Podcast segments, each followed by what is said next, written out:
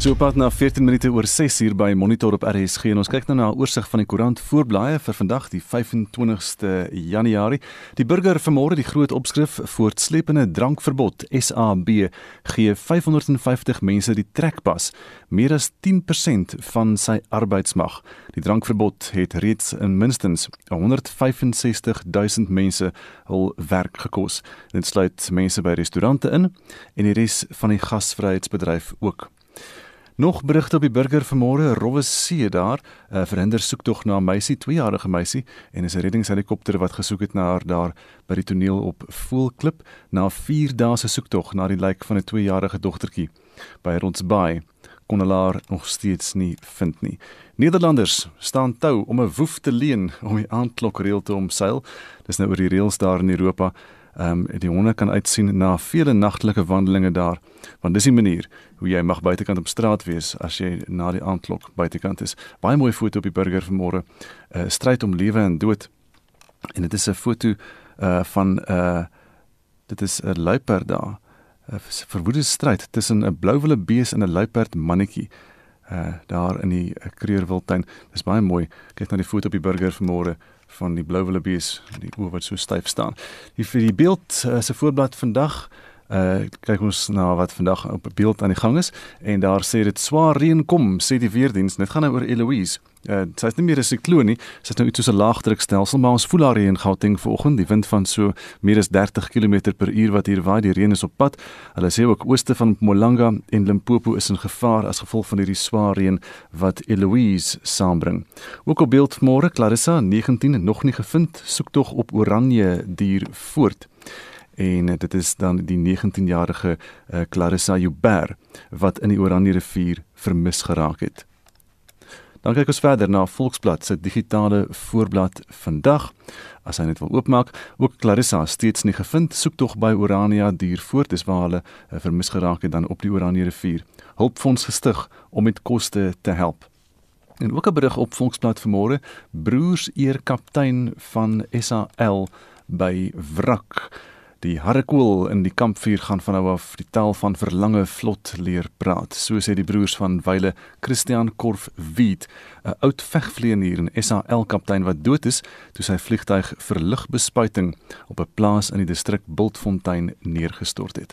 Internasionaal op bbc.com COVID-19 die top uh, adviseur daar in Frankryk waarsku dat hulle nou by 'n noodpunt gekom het wat die virus aanbetref en dat dit onvermydelik is dat hulle in 'n derde nasionale grendeltydperk gaan moet ingaan uh, om hierdie virus hok te slaan in hulle land. Dit is die situasie in Frankryk en dit is net so vinnige oorsig oor vanoggend se nuus.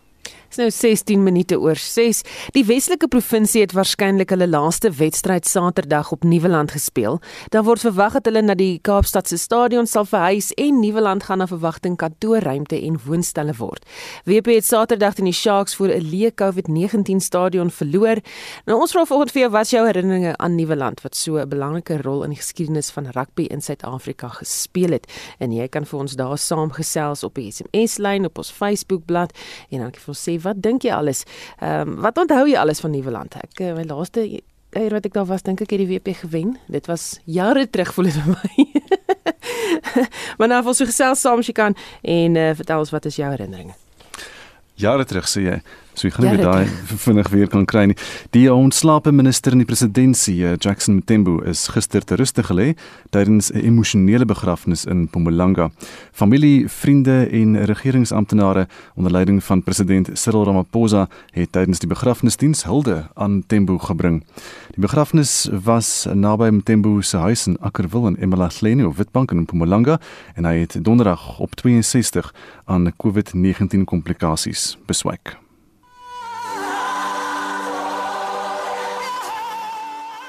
Ramaphosa het tydens sy toespraak gesê hy het nie net 'n kollega nie, maar ook 'n vriend verloor. And it is a loss that I feel most keenly.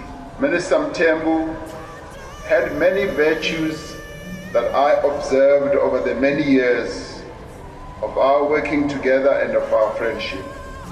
He was generous in spirit and had a charming personality as all those who interacted with him and met him will be able to testify.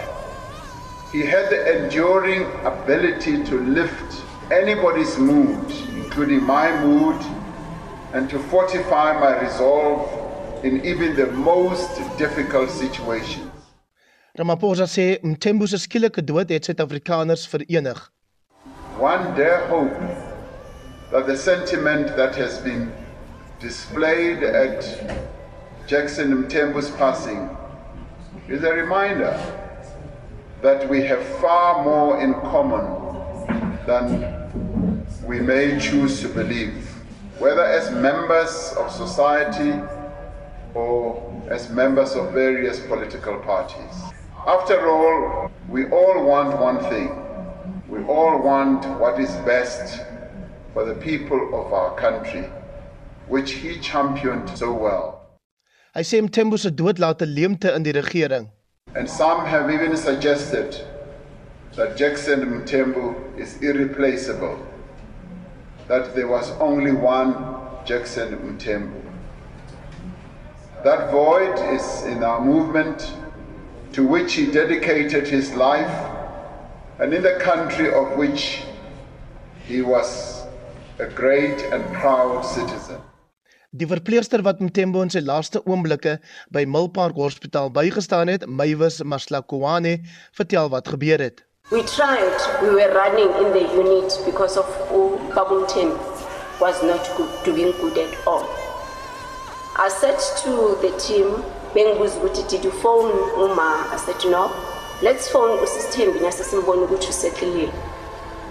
Of which this cut was not on our side. We tried. All the doctors came. The ED department team came. We resuscitated him.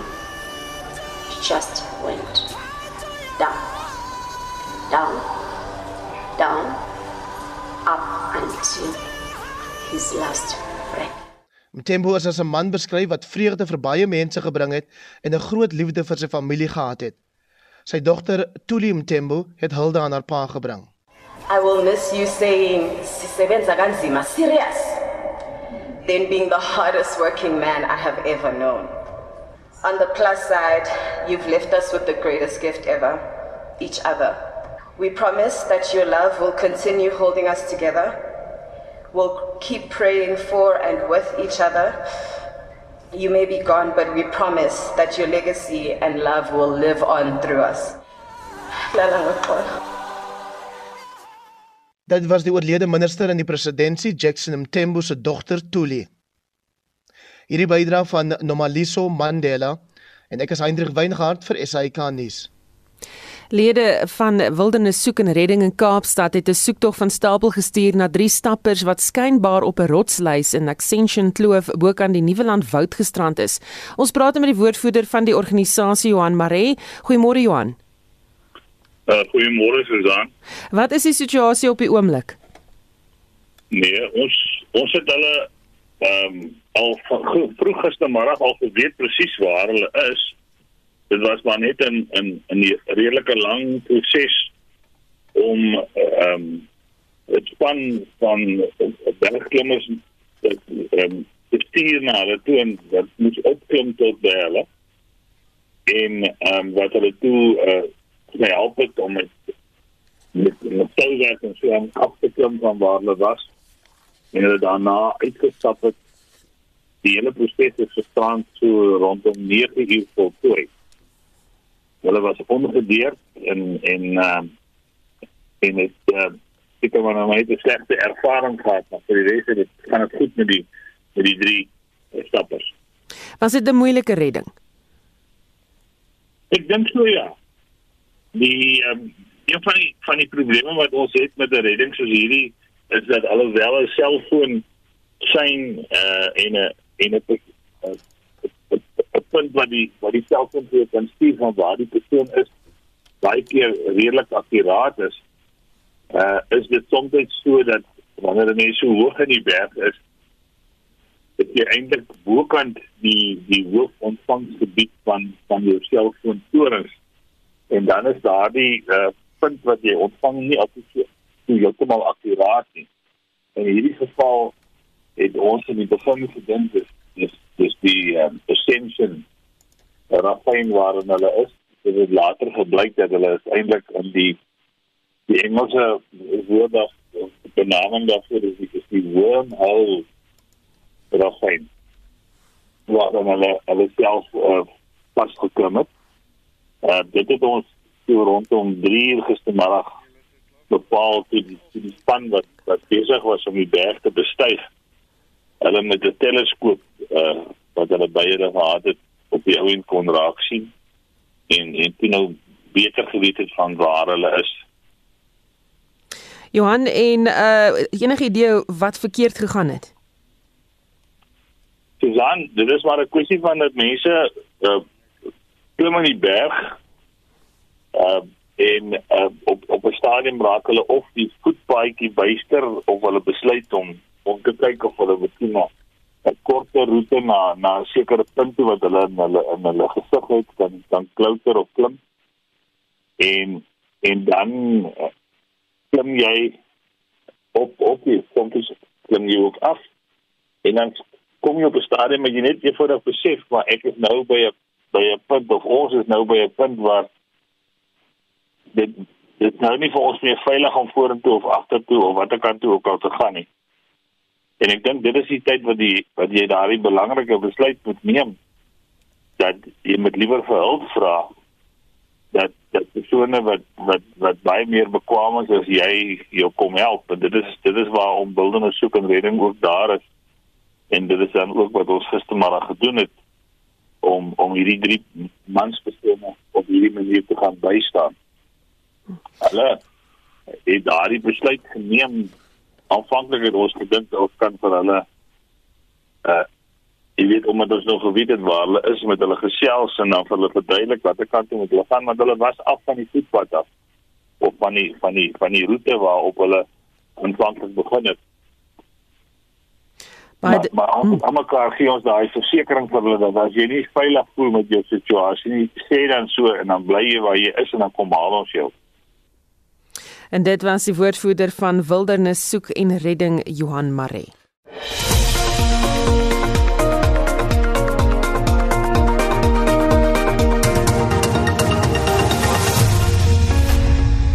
Welkom terug by Monitor. Die volgende berig bevat grafiese beskrywings wat sensitiewe luisteraars insluitende kinders kan ontstel. Die berig is so wat 'n minuut en 'n half lank. 'n Egpaar van Warrington in die Noord-Kaap meen hulle besluit om hulle baba in 'n vlak graf agter hulle huis te begrawe was noodsaaklik. Die polisie het op 'n wenk gereageer en die baba se lijk opgegrawe. Daarna het hulle die egpaar vir 'n vraging na die polisiestasie geneem. Hulle is later vrygelaat. Die baba was 8 maande oud ten tye van haar dood. Dit was 'n moeilike besluit wat hulle nie kon vermy nie. So beskryf die egpaar die dood en die begrawe van hulle kind. Die baba se pa sê die kind is aan natuurlike oorsake oorlede. Maar hulle het nie geld vir 'n begrafnis gehad nie en hulle het ook nie geweet waar hulle hulp sou kon kry nie. Die pa sê hulle die beste wat hulle kon vir hulle kind gedoen. It's okay even if they arrest me. God is for all of us. I did what I had to because the baby was not insured and I'm unemployed. I have nothing. Hy sê die gebeurtenis is besig om 'n tol van sy familie te eis. We are not okay. We are not doing well at all. I also hate what happened. I'm even losing weight as a result of this. I'm exhausted. Die bure was geskok oor die ontdekking van die vlak graf. We never thought something like this would happen here. As parents, we are hurting. How can one do this after carrying a child for nine months? This has hurt me. I have not even spoken to my neighbors because even looking at them saddens me. This was just a baby. Die polisie het 'n nadoetsondersoek na die sterfte van die baba geloods. Hierdie bydra van New Bodimela in Warrington en ek is Hendrik Martin vir SAK nuus.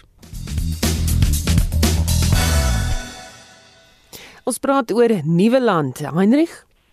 Ja, um, môre Susan, ons wil beluisteraars weet wat is hulle beste herinneringe nou dat die laaste wedstryd, amptelike wedstryd op Nieuweland gespeel is voordat die Weselike provinsie na die Kaapstad stadion sal verskuif. EJ Botma sê my heel eerste game op Nieuweland het ek gekyk in 2013, dit was die Stormers teen die Chiefs. Nieuweland was ook die Blacks se gunstelingveld in Suid-Afrika. Edward Stika Mareki sê Ek was nog nooit persoonlik self op daai stadion nie, maar altyd 'n rugbywedstryd tussen die Bulle en WP daar gevolg op televisie en ek moet sê, die tipe gees wat daar altyd geheers het, is fantasties. Dit is 'n baie onnoosle besluit om dit te omskep in kantore of wat ook al. Pieter Toy sê dit is veral die kroegeienaars van die omgewing wat die Nieuweland stadion sal mis. Gerard Ras het in 1967 sy eerste wedstryd op Nieuweland gekyk. Dit was Suid-Afrika teen die Franse en hy onthou dat Frik de Pre daar vir plan te vol getik het.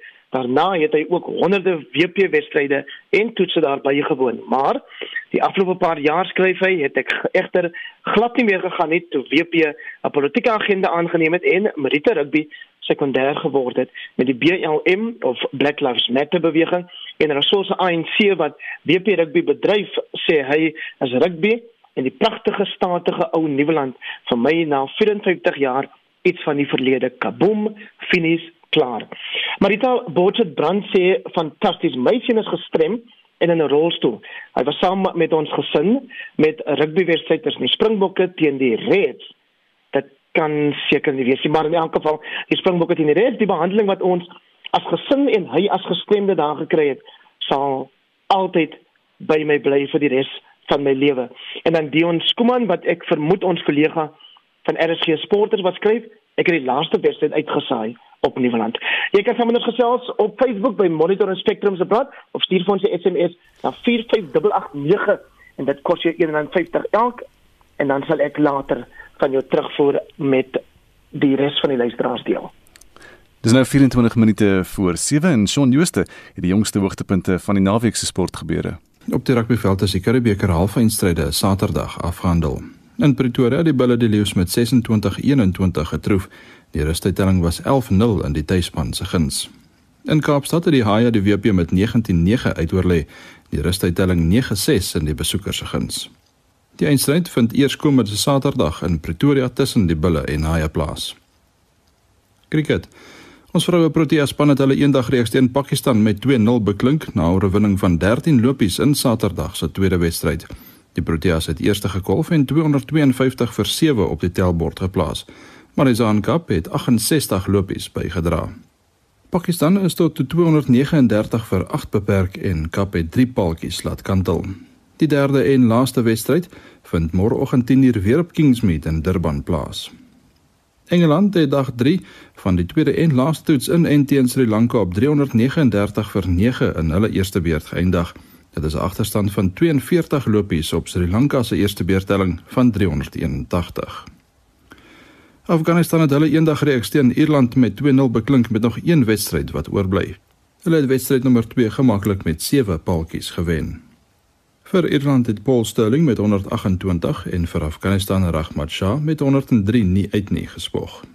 In die plaaslike momentum eendag reeks het die Lions onoorwonde gebly in Groep A. Hulle die Warriors gister met 42 lopies verslaan. Delano Potgieter was die uitblinker vir die Lions. Hy het 57 met die golf aangeteken en twee paaltjies vir 19 lopies in 5 balbeurte laat kantel. Sokker In gister se DStv Premier Liga wedstryde het SuperSport United 2-0 met Chakuma en Cape Town City 4-2 met Golden Arrows afgereken. Orlando Pirates het Maritzburg United Saterdag met 1-0 geklop. Mamelodi Sundowns en Morocco Swallows het 1-1 en Stellenbosch FC en Kaizer Chiefs 0-0 gelyk opgespeel. Die tellings van die FA beker se 4de ronde wedstryde was: Everton 3 Sheffield Wednesday 0 Manchester United 3 Liverpool 2 Fulham 0 Burnley 3, Brentford 1 Leicester City 3, Chelsea 3 Luton 1 en Southampton 1 Arsenal 0. Aston Villa het Newcastle United Saterdag in die Premier Liga met 2-0 geklop. In Spanje het Atletico Madrid 3-1 teen Valencia en Barcelona 2-0 teen Elche C4. In die Bundesliga is Schalke gister met 4-0 deur Bayern München afgedraf.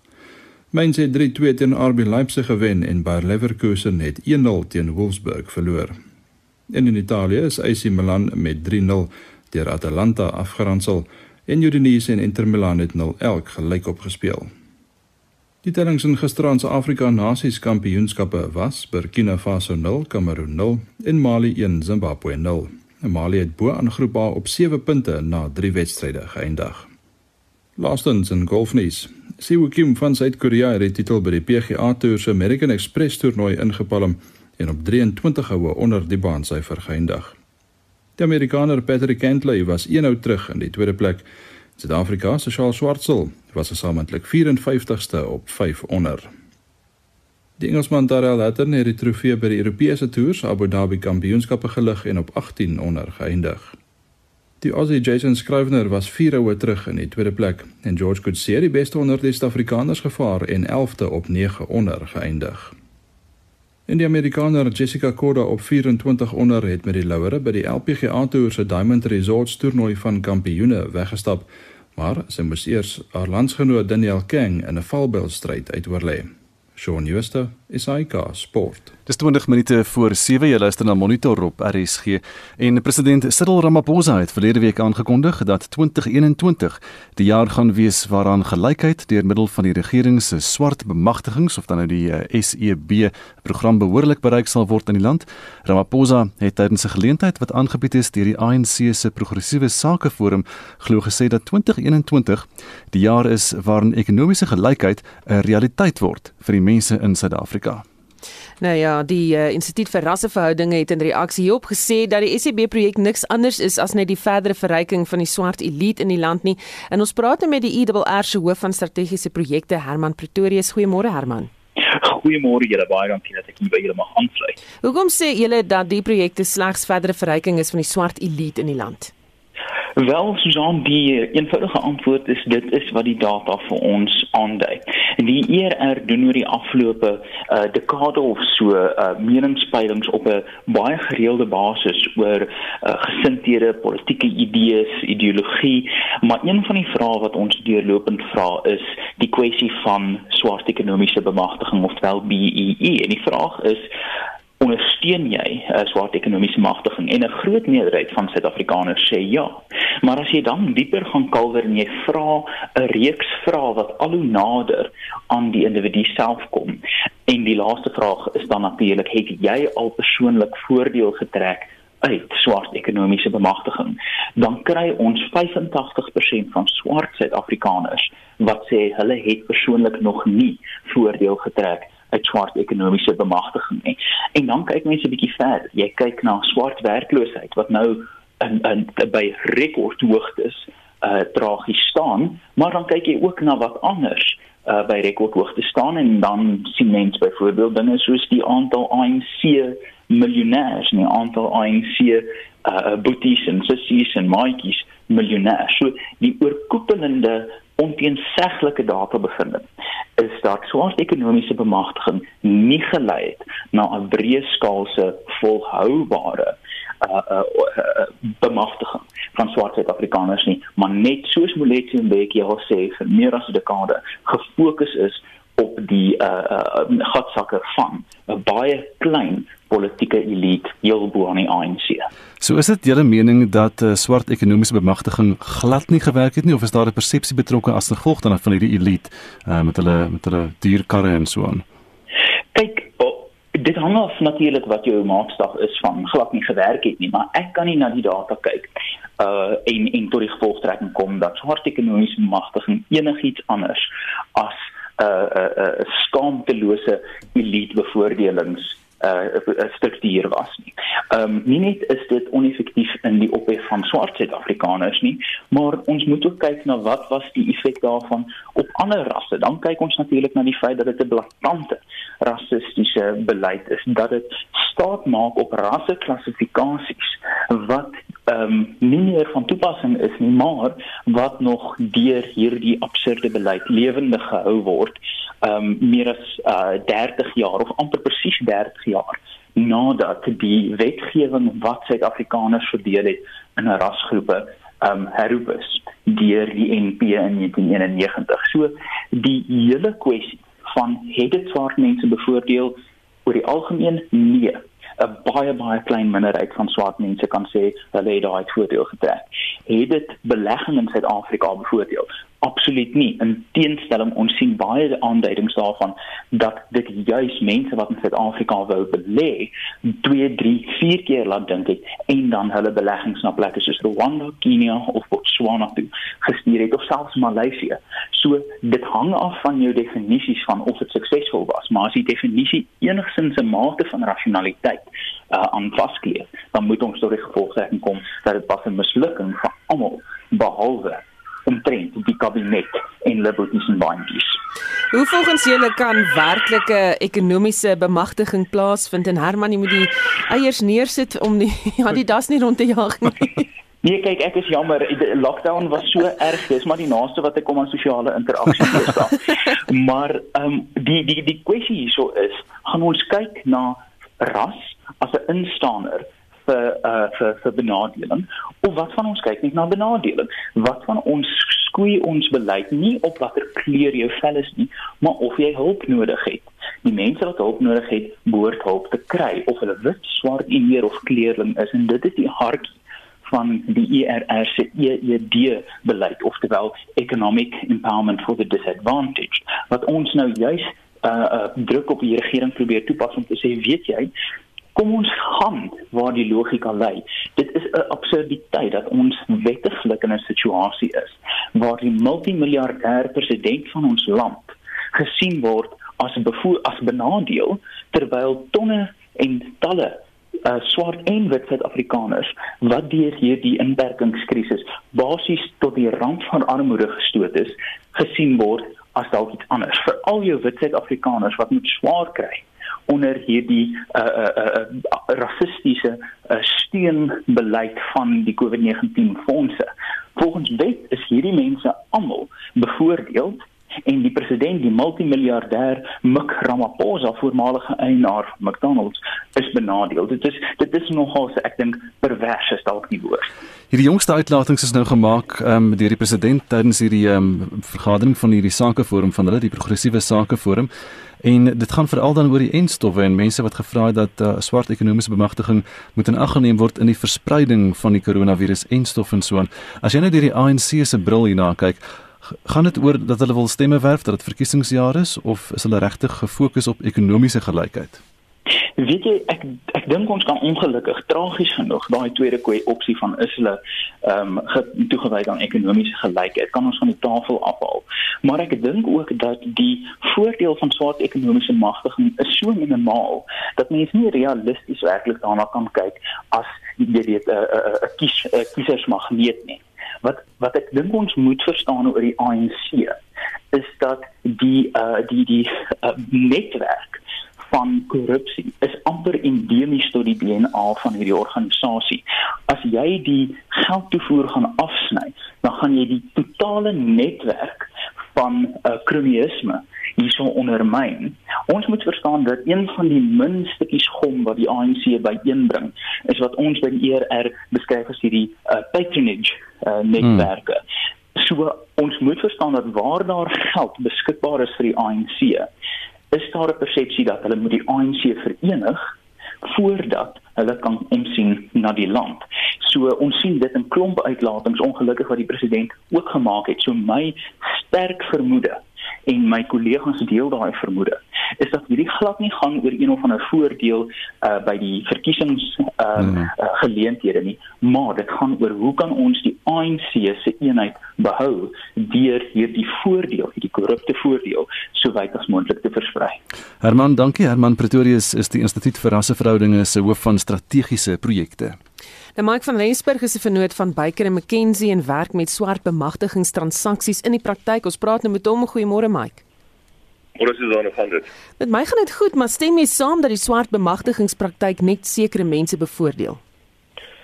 Ja, ek weet nie, ek dink jy moet uh jy moet ehm um, miskien 'n bietjie 'n bietjie meer detail delf in in in die inligting en wat die hoofwerk was van die steeds is van swart bemagtigingsmetode. Ek weet, ek dink ons almal weet dat uh die hoofoogmerk daarvan was om die um, historiese uitsluiting van swartes uit die ekonomie um om dit aan te spreek.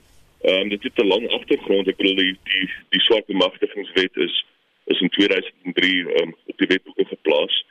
Um die instrumente wat uitvoering gee aan die swart bemagtigingswet wat basies kores is vir verskillende industrieë maar oor 'n uh, oor 'n lang periode daarna eers ontwikkel.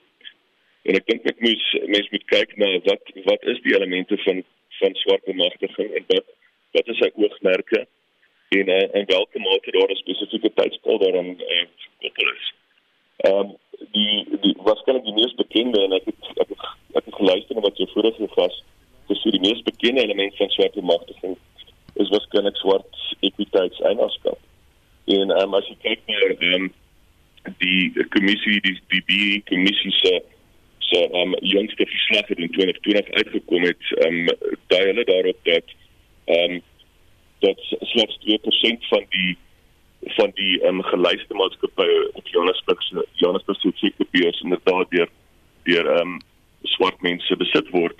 Ehm um, en hulle sê ook dat ehm um, minder as 25% ehm um, of minder as die helfte van die maatskappye op die op die ehm um, effektebeurs uh so aandele word deur 25% swart mense gehou. So van daai oogpunt af dink ek nie dit is tot dusver effektief gewees nie. Uh, mens moet wel mens moet wel nie die die geskiedenis um, uit die uit die oog verloor nie. Um, ek dink aanvanklik um, was daar pogings gewees van die breë um, besigheids- en ekonomiese publiek om um, 'n mate die die wet te omseil. Ek ons almal ken die die vreeslike stories van van uh, die swart tuinwerker wat um, 20% aandele in 'n maatskappy gegee is bloot omdat um, daar 'n wet was. Ehm um, maar ek dink die oor die laaste paar jaar en veral sedert die die die kommissie in die lewe geroep is dat word daar tog daadwerklike pogings aangewend uh om hierdie omseiling van die wette te te te aan te spreek en te ondervang. Ehm um, wat ek veral sien op 'n op 'n daaglikse basis uh, en daar daar's voorheen gepraat van van ehm um, belegging en in watter mate dit belegging ontmoedig in Suid-Afrika. Ek ek sien op 'n gereelde basis sien ek multinasjonale maatskappye wat ehm um, belegging in Suid-Afrika wil maak. As jy aanvanklik vir hulle verduidelik dat hierdie daar is iets so swart bemagtiging is vat dit 'n redelike tydperk om hulle daar daarmee vertrou te maak.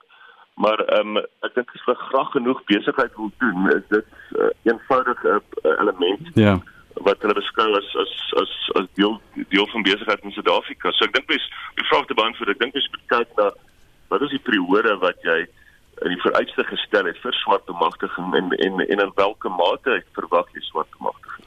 Mike, ehm um, swart ekonomiese bemagtiging is al jare lank saam met ons, dit het amper soos 'n bedryf geword in in besighede. Wat is nog van die grootste probleme met, met al hierdie telkaarte en dinge wat wat al die maatskappye moet invul en die vlakke wat hulle moet bereik en so en wat is van die grootste probleme en leemtes wat ons nog nog het daarmee? Ek dink die die die industrie en en die in Engels die verification agents ek dink daar het daar was aanvanklike probleme gewees in watter mate hulle die die um, spesifieke industrie kodes akkuraat toepas. Ek dink dit dit is dit is wesentlik verbeter.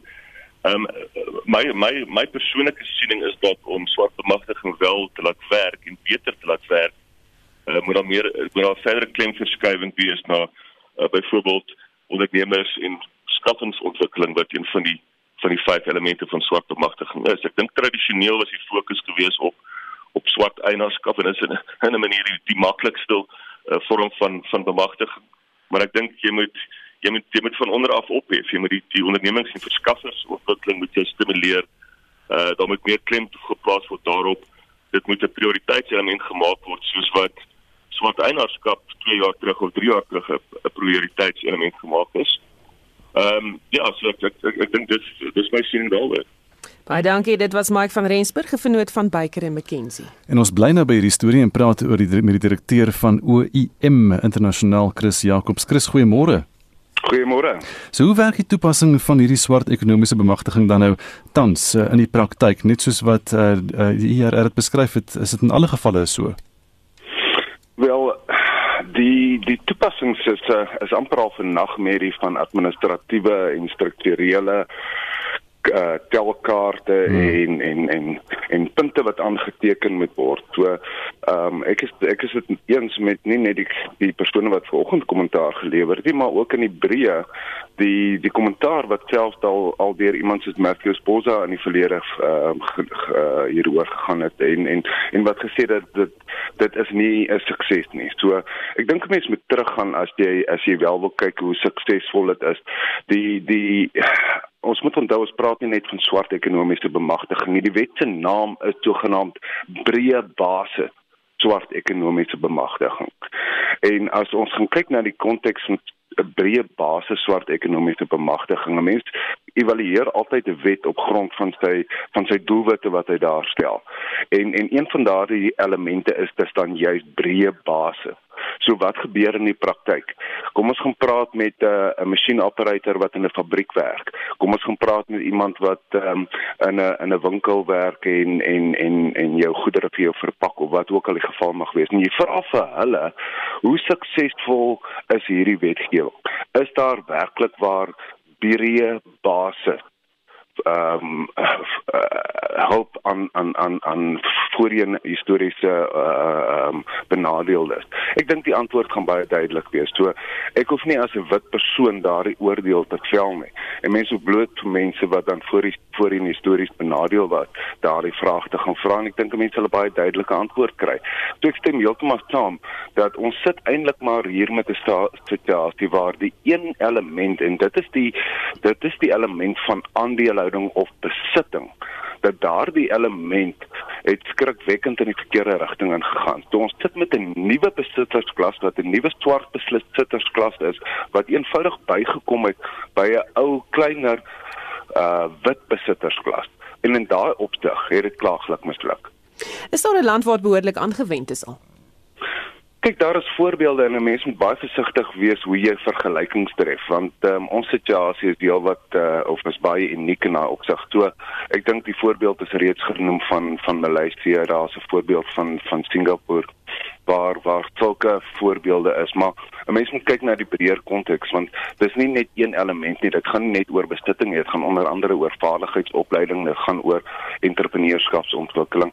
En dan is plekke soos Maleisië en en en uh, Singapore is baie goeie voorbeelde in terme van minderhede en meerderhede ehm um, wat wat wat wat uh, in die, in die verlede ehm um, histories uh, benadeel was.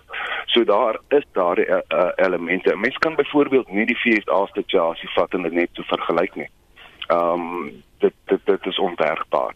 Ehm um, so 'n mens moet gaan kyk na watter van hierdie elemente is daardie elemente wat jy wil uitlig en daadwerklik wil wil wil stimuleer sodat die die werklike intensie van die wet in terme van breë basis swart bemagtiging tot vervoering kan kom. En hoe gaan 'n mens dit regkry? Wat as as SEB soos ons nou ken, nie wil werk nie. Wat anders kan 'n mens doen om hierdie gelykheid te bewerkstellig? Ek weet as dit nou nie net gaan oor tenders en wie kry die meeste punte nie. Ja, met die huidige wetgewing, soos wat die wetgewing tans staan, kan dit nie werk nie. Dit kan nie net eenvoudig oor 'n nuwe code of good practice wat uitgevaardig moet word om om dit aan te spreek nie. Daar is reeds mense wat wat by die krib kom staan het en alles geniet het wat in die krib uh, is en hulle beskerm op hierdie stadium daardie wetgewing. As mense gaan kyk na na wat iemand soos professor William Comedy gesê het, het hy gesê byvoorbeeld dit is een van die mees verkoostende en duur om om doeltreffendste herverspreidingsstrategie in enige koloniale opset sedert die Tweede Wêreldoorlog. So dan baie spesifiek gekyk word verskoning. Een van die van die van die daadwerklike goed wat na gekyk word is is is entrepreneurskapsontwikkeling en en veral hulp aan aan aan klein en medium grootte um ondernemings om dit daadwerklik te, te stimuleer. 'n Ander e-, element wat baie aandag moet geniet is is natuurlik vaardigheidsopleiding. En ons ons spandeer tans nog steeds nie genoeg op op dinge soos vaardigheid opleiding nie. En en dit kan baie aandag geniet. En dan die element wat vir my baie na in die hart lê is is die hele gedagte van werknemerbelasting bemagtiging deur deur aandelehouding ek dink as ons nou alles gaan kyk is dit een van die uitvloeisels van hierdie wetgewing wat meer suksesvol was as enige van die ander elemente. En dit gaan daaroor om om om werknemers ook aandeelhouers te laat word oor 'n periode van tyd hulle in te bind maar ook hulle deel te maak van van die sukses al dan nie van die besigheid. So baie maatskappye het wel suksesvolle skemas daar in plek gesit wat wat wat wat werklik waar meer uiting gee aan die breë basis eerder as die verryking van ehm um, 'n klein swart besittersklas wat eenvoudig net deel geword het van 'n vorige wit besittersklas. Baie dankie, dit was Chris Jacobs, direkteur van OIM Internasionaal. Tyd om terugvoer te kry, Heinrich. Oor Nieuweland Susan sê kokkie de kok, ek het wonderlike herinneringe van Nieuweland. As kos hy seun van hoërskool Jan van Riebeeck, was ek by feitelik elke WP wedstryd tydens my hoërskoolloopbaan. Op 4 Augustus 1962 speel ek vir ons onder 15 rugby spannetjie in 'n voorwedstryd vir die Bokke en die Britse Lions. In 1964 speel ek vir ons skool se eerste span in die eerste wedstryd van die seisoen op Nieuweland en in my diensplig jaar speel ek daar vir die vloot teen die leer en drukke 3 in die hoek voor die Picard Paviljoen. Watter ongelooflike oomblikke vir 'n jong seun. Hoewel Nieuweland altyd my gunsteling stadion met die mooiste geskiedenis, tradisie en atmosfeer sal bly, het ek my nou losgemaak van WP. Die sogenaamde transformasie van veral die baadjie drasie, die wonderlike gees en tradisie van WP vernietig, maar Die WP-jelde van my kinderdae en Nieuweland sal altyd vir my 'n wonderlike herinnering bly. Dankie Heinrich met daardie terugvoer. Jy kan nog saamgesels. Dit is nou 7 uur tyd vir die nuus.